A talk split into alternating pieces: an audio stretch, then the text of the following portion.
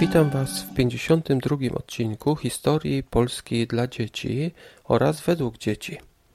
Od razu chciałbym wyjaśnić, dlaczego tak długo nie nagrywałem nowego odcinka. Miałem dość dużo pracy przed krótkimi wakacjami, a później właśnie wyjechałem na tydzień do Hiszpanii na takie krótkie wakacje. Aby jednak nie zawieść tych, którzy czekali na nowy odcinek, postanowiłem przygotować taki specjalny wakacyjny odcinek. Będzie on poświęcony historii Polski, ale też historii Hiszpanii. Jak to chciałbym zrobić? Chciałbym właśnie porównać historię Polski i historię Hiszpanii. Z pozoru mogłoby się wydawać, że te dwa kraje nie mają nic wspólnego, bo Polska leży na północnym wschodzie Europy, a Hiszpania na południowym zachodzie. Na mapie Polska jest w prawym górnym rogu, a Hiszpania w lewym dolnym. Co więc mają wspólnego te dwa kraje, które są tak bardzo oddalone od siebie? Najbardziej takim rzucającym się podobieństwem jest religia. Zarówno Polska, jak i Hiszpania są krajami katolickimi. Nie zawsze jednak tak było. W Polsce książę Mieszko podjął decyzję o przejściu z pogaństwa na katolicyzm. Być może pamiętacie, że Mieszko był poganinem i miał siedem żon, a potem jego katolicka żona, jego chrześcijańska żona Dobrawa, księżniczka czeska, e, namówiła go do tego, żeby e, przyjął chrzest.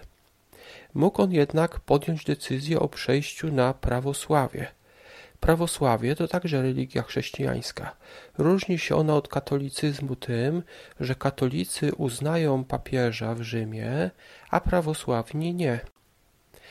Podobnie było w Hiszpanii.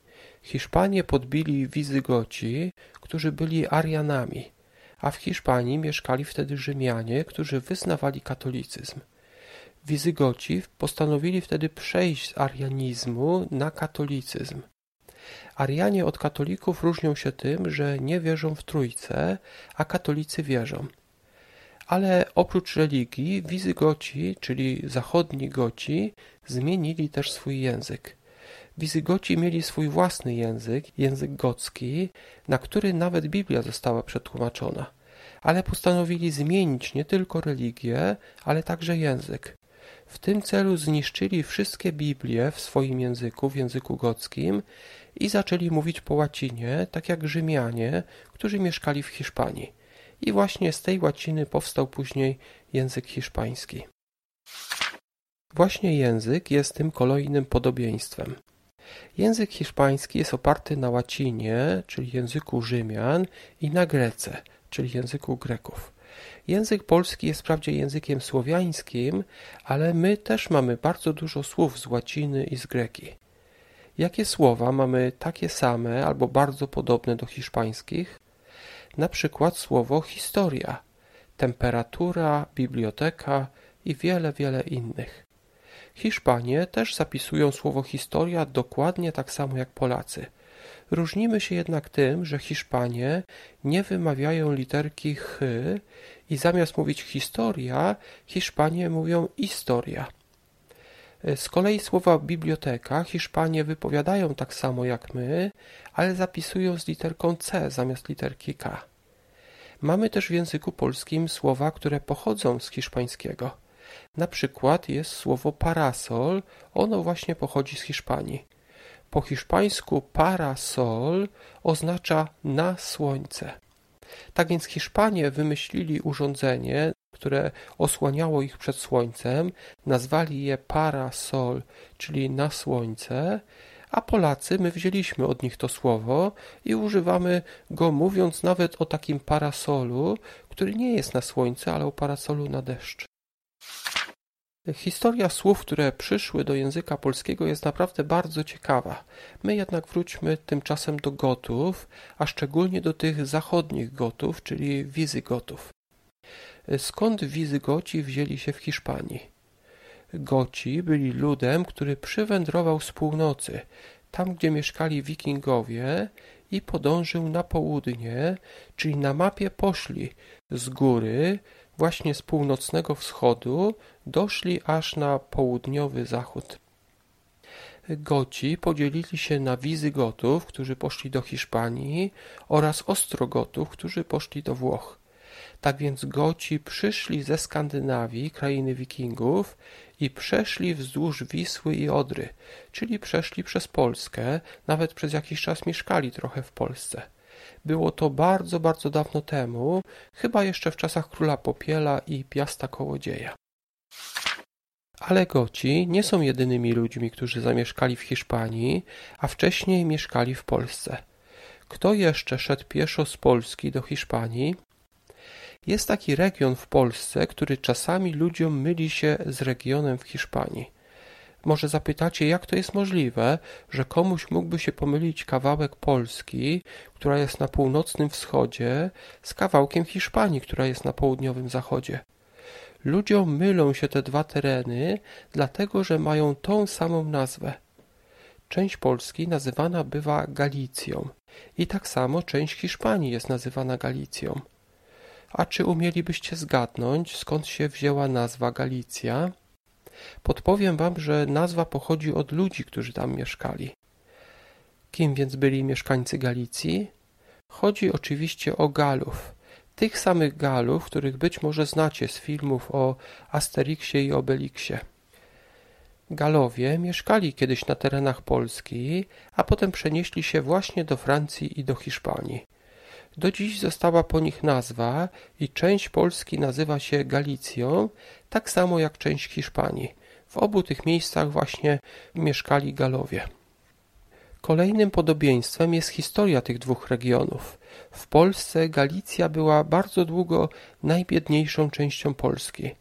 Podobnie jest z Galicją w Hiszpanii. Ja na moich wakacjach byłem przez tydzień w Hiszpanii na takim półwyspie, gdzie jest miasto Cadix. Ten półwysep bardzo przypomina półwysep w Polsce, który się nazywa Hel i jest w Polsce na północy, niedaleko Gdańska. Hel to taki długi półwysep i tak samo jest w Kadyksie.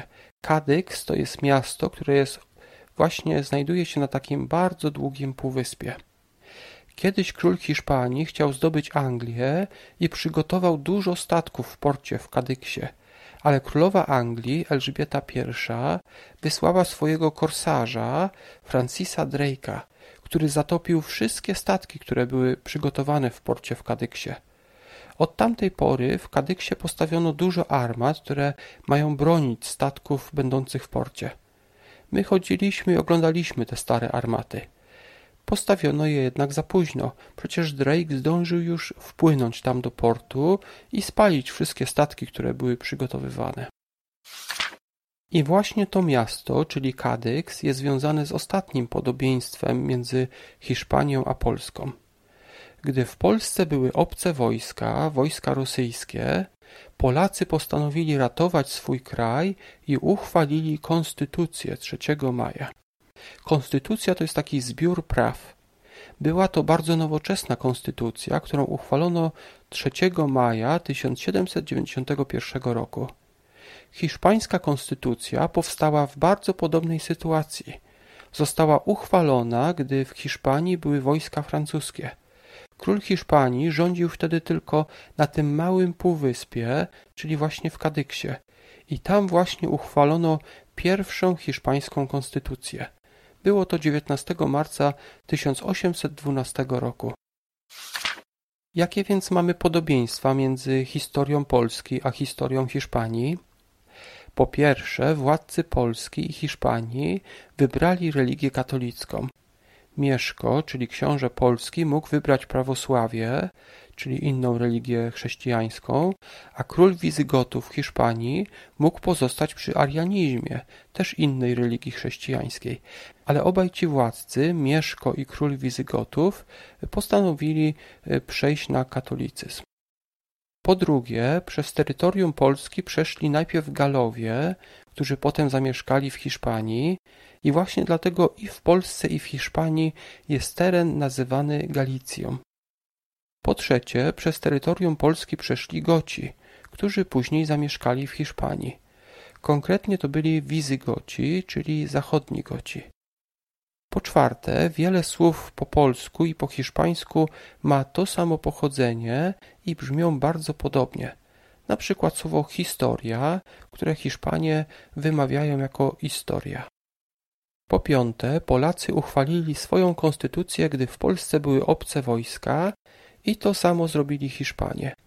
Polacy uchwalili konstytucję 3 maja w 1791 roku, gdy w Polsce były wojska rosyjskie a Hiszpanie uchwalili swoją konstytucję, gdy Francuzi podbili całą Hiszpanię i pozostał tylko kawałek na półwyspie z miastem Kadyks i tam uchwalono hiszpańską konstytucję 19 marca 1812 roku.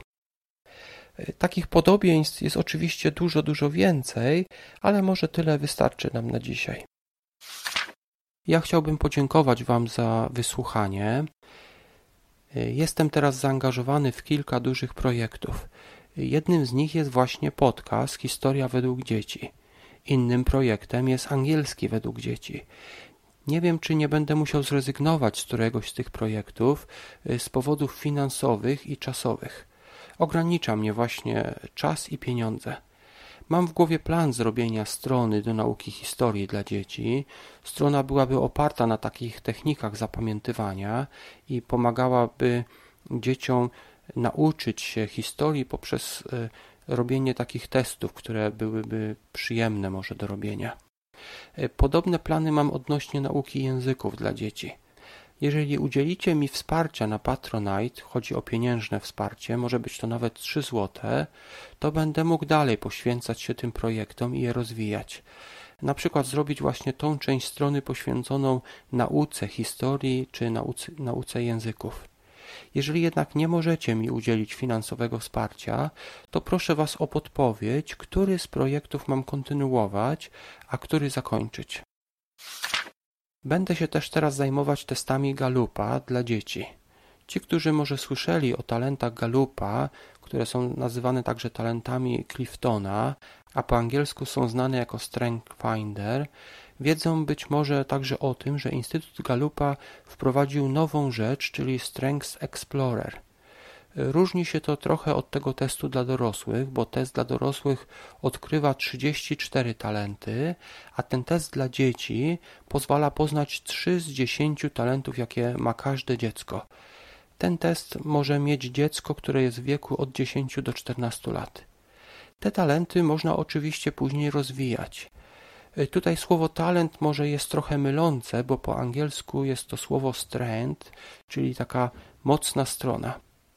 Chodzi tutaj o dominującą cechę, która uwidacznia się podczas y, działania dzieci. Poznanie tych talentów daje lepsze zrozumienie dziecka przez rodziców, ale także lepszą samoakceptację samego dziecka wobec siebie.